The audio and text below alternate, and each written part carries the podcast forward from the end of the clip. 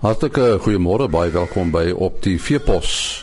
Ons praat vanoggend met Japie Engelbreg daar uit Namibië oor sy ekstensiewe melkery. En dan met Paul van Vieren van 'n afslaersmaatskappy wat gesels oor hoe dinge gegaan het in 2014 in Limpopo. Ons uh, gesels uh, met uh, Japie Engelbreg, hy is 'n boer uh, daar in Namibië. Japie, uh, watter omgewing boer jy? En nie, ek is so noordoos van Gobabis. Dis in die ooste van die land hier na Botswana kant toe. As 'n mens aan Namibië dink, dan dink 'n mens normaalweg gaan aan vleisbeeste. Is jy ook vleisbeeste of is dit iets anders? Ja, ons ons het vleisbees, uh een kant, maar dan het ons nou ook die die melkery aan die gang al hier van die 60er jare af. Uh wat ons nou baie lank intensief gemelk het en dan nou so 'n paar jaar gelede begin het met ekstensiewe boerdery. Nou hoekom die ons, hoekom die stap van intensief na ekstensief? En ons ons uh konsentrate, al ons voere basies kom uit Suid-Afrika uit. En uh intensiewe boerdery is ongelooflik duur in ons area. As jy Mariental is waar jy lucerne beskikbaar het, vrylik beskikbaar het en die klas van dinge dan is dit vir jou baie goedkoper, maar hier ver in die ooste uh is ons transportfaktor is 'n baie baie groot faktor om om baie voere in te kry. Uh dit is nou hoekom ek oorgaan na ekstensief toe. Uh my koeie loop meer op die op die op die uh, natuurlike weiding en jy gee maar 'n klein hoeveelheid konsentrate uh, by. Uh so ek neem aan jy die grond daarvoor. Ja, kyk ons ons het mos nou uh ons het ons het mos goeie grond hierdie is is is meer 'n sandveld tipe veld. Uh en dan gebeur dit mos nou as ons so intensief ag ekstensief melk, dan uh, kan ons baie meer koeie per op die grond uh, grootte aanhou. Waar jy byvoorbeeld nou normaalweg boer ons ons uh vleisboerdery op 1 op 18 uh ons koeie en kalf. Mm. En uh, by die melkery werk ons 1 op 6. So ons ons het heelwat meer koeie wat ons op 'n kleiner stukkie grond kan aanhou. En watter soort uh, koeie gebruik jy vir die melk? En ja, op hierdie stadium, ek het ek het my my my moederkudde kom aanvanklik uit die uit die Holstein uit wat uh, Brahman bulle opgehad het. Uh daarna het ek nou so 'n bietjie gespeel met hulle na die na die Switser kant toe en ook na die melk Simmentaler toe. Uh maar dit moet maar 'n harde tipe koei wees. Hy moet hy moet kan stap want ons Ons afstande is tot tot sover as 3 km van huise waar die koeie moet gaan draai vir nag as hulle hulle eie weiding gaan soek. En uh as hulle nou so gehard is, uh, kry mense waarskynlik nie so 'n daling in produksie nie, né? Nee, hy hy hy is so uh, drasties nie. Uh die ons ons groot probleem hier in die ooste van die land is waar ons nou baie ekstensiewe boere is, is as ons wintermaande. Uh wat nou vir ons 'n uh, bietjie van 'n moeilike ene is. Daarom moet ons nou maar vir hierdie hierdie stelsel opgesit dat ons die balie laat groei vir ons koeie in die winter. Uh, dit dit help ons baie. Dis ek om die veld af is, nê, nee, dat dit so moeilik is. Ja, as die eerste rypbos hierdie kant geval het, hier by ons geval het, dan is ons veld op sy swakste. Tot wanneer dit dan nou weer die weiding weer begin groen word of wat ook al op eerste reën gekry het. Uh maar dan is ons weiding baie swak. Wintermaande is ons baie swak. So gebruik jy 'n voerbank? Uh wie en ek ek ek voer mielies in van Suid-Afrika af. Uh en dan maak ons wel ons eie mengsel met met met uh ander produkte daarbey. En verder ja, dan kry ons nog Trevor. Uh ons kry baie uh van die brouwer brouery se se se hops uit Dindhoek uit. Uh en dit is basies wat die koeie kry. Hulle eie hooi moet hulle gaan soek op die veld. Hmm. En hoe lyk die koeie se kondisie? Uh kom ek sê vir jou, ons koeie loop normaal by so 3 uit 5, 4 uit 5 uit. Loop die kondisie. So ons ons ons ons kondisie is baie goed. Jy sien sommer as 'n koeie bietjie van 'n veral die uh, ek het 'n klompie uh, melk Switser koeie ingekoop. Hulle sukkel, hulle bly so 2 uit 5, 3 uit 5 uit. Uh om kondisie te kry want hulle is nie sulke goeie stappers nie. Want die koei moet kan ver stap. En wat is jou stal gemiddeld produksie gewys? Uh op hierdie stadium ons het baie vroeë reëns gehad. Op hierdie stadium staan hy op 12 liter. Tuurlik, dit dis nou al van die veld af eintlik, nê. Nee. Ja, ja, ja, dis dis met 'n baie min uh, ons gee net so 2.5 kg konsentraat by dis al. En hoe groot is jou kudde? Uh op hierdie stadium so 180 koeie waarvan ek dan so 140 melk. Is dit min of meer jou kapasiteit vir die melk? Nee, ek is nog ek is nog besig om te groei.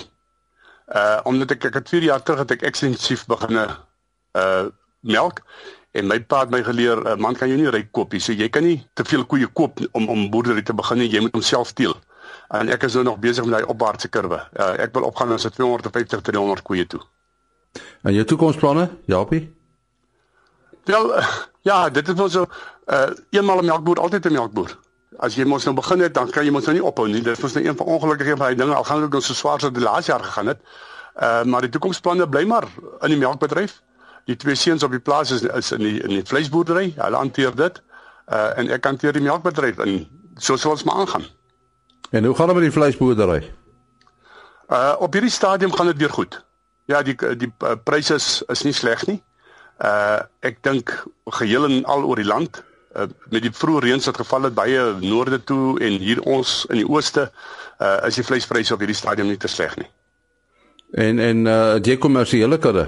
Ja, ja, ja, die kommersiële kudde, die moeders kom ook aanvanklik, aanvanklik maar uit die uit die Berman vrieskruisings uit.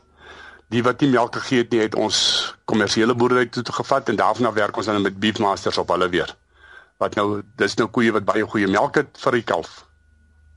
Ons sê baie dankie aan Japie Engelbrecht, hy's 'n boer daarvan Gobabus en hy's ook die voorsitter van die melkprodusente vereniging van Namibië.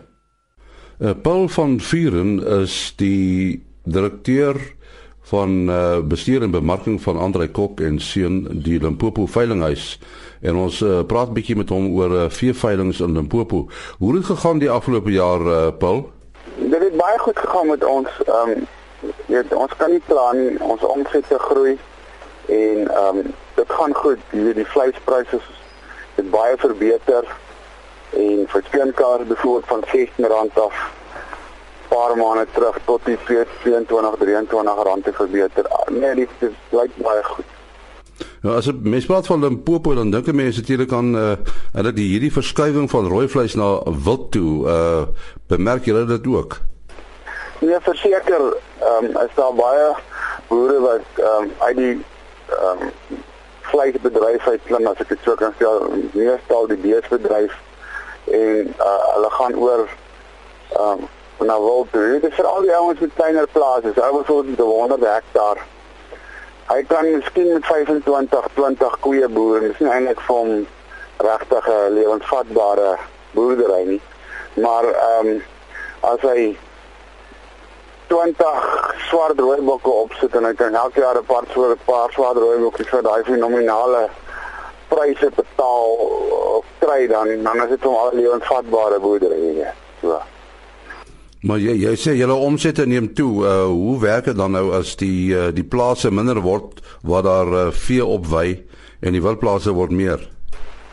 Ja, dit is definitief so. Die die die, die vir al die kleiner plase, die groter boere wat nog redelik grond het en hulle boer nog steeds maar bees. Dit ehm um, daar's 'n ander oom wat baie goed ken wat baie groot in die beesbedryf is. Dis en hy is maar tevrede met die met die duisende met die bees. Hulle laat die ouens maar hulle miljoene met die wild maak. Dit is so hoog. En en julle julle fokus uh, hoofsaaklik op kommersiële veilinge. Ja, ons fokus op kommersiële beesveilings, veilings, skaapveilings bokveiling, implemente veiling en natuurlik plase ook eiendom.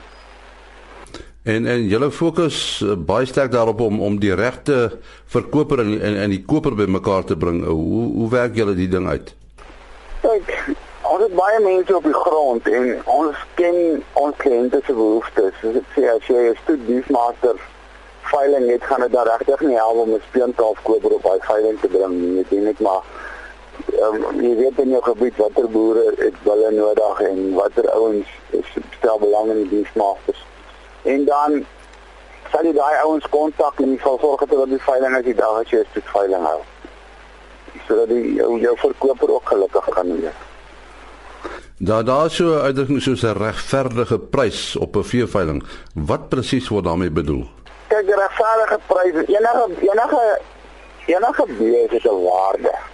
So as hy ek kan amper sê dis 'n kar, kar het 'n boekie waarde. So dit wees ook amper 'n boekie waarde. As hy wees op die skaal klim, dan moet jy as afslaer moet jy eh, 'n uh, kwessie van sekondes met jou waarneming kan maak. Jy moet die wees kwaliteit kan identifiseer. Jy moet sy ouderdom kan identifiseer. Jy moet hom in 'n prysklas prysklas kan kategorieer. En die oomblik as jy dit gedoen het, dan moet jy daarom sorg dat daai bees min of meer daai prys gaan. Moet jy kan nie speenkalvers wat R25 per kilogram werd het wat nou top sien nou maar kom daar 20 ossies op die ring en dit is nou top kalvers van weet byvoorbeeld een of ander kruising en hulle is almal onthoring en hulle is gespuit vir alles en hulle is netjies se kalvers. Kan jy nou definitief nie vir hulle minder kry as dan nou uh, ander tipe kalvers opkom wat horings het en wat jy kan sommer sien dat die bouvorm baie swakker is as daai kalvers en dan sê jy so elke bees het maar 'n prys en jy moet dit kan identifiseer en jy moet dan sorg dat daai bees daai prys behaal. Nou jy is direkteur bestuur en bemarking. Uh is jy self 'n afslaer? Wel ek het al afgeslaan, maar um, ons het ouens wat dit voltyds doen. Uh, maar ek kan dit doen as ek dit moet doen, maar weet ek ek hardloop maar rond om alles bymekaar te hou. So ehm um, ek kan afslaan as ek moet, maar ek doen dit normaalweg nie. Nou wanneer jy afslaan, dan weet daar so baie ander aspekte agter agter die veiling wat die mense nie altyd besef nie om die regte kopers te reël en almal gelukkig is in in vervoerreëlings rondom die die veiling en weet die kos en al daai goed. So dis maar 'n jy bly besig van vroeg tot laat, ek belowe jou dit. En dan jy nog 'n beefmaster stoet, hoe kry jy dit reg? Ja, wel, as ou maar ons maar in die beerbedryf is en dis maar lief vir die goed dan wat ek dit grond daar naby brei en maak dit ehm um, Gideon Kutsie boer vir my daarso. Hy ehm um, hy sou op die plaas en hy kyk hy sal vir die beeste daar. So ek gaan maar net eenmal 'n maand af. Vir so 3 dae. Nou sê baie dankie aan Paul van Vieren, hy is die direkteur bestuur en bemarking van Andre Kok en seun by die Limpopo veilinghuis. Môreoggend Kersoggend is daar geen program nie, maar wel Vrydagoggend weer. Tot dan, alles van die beste. Ah.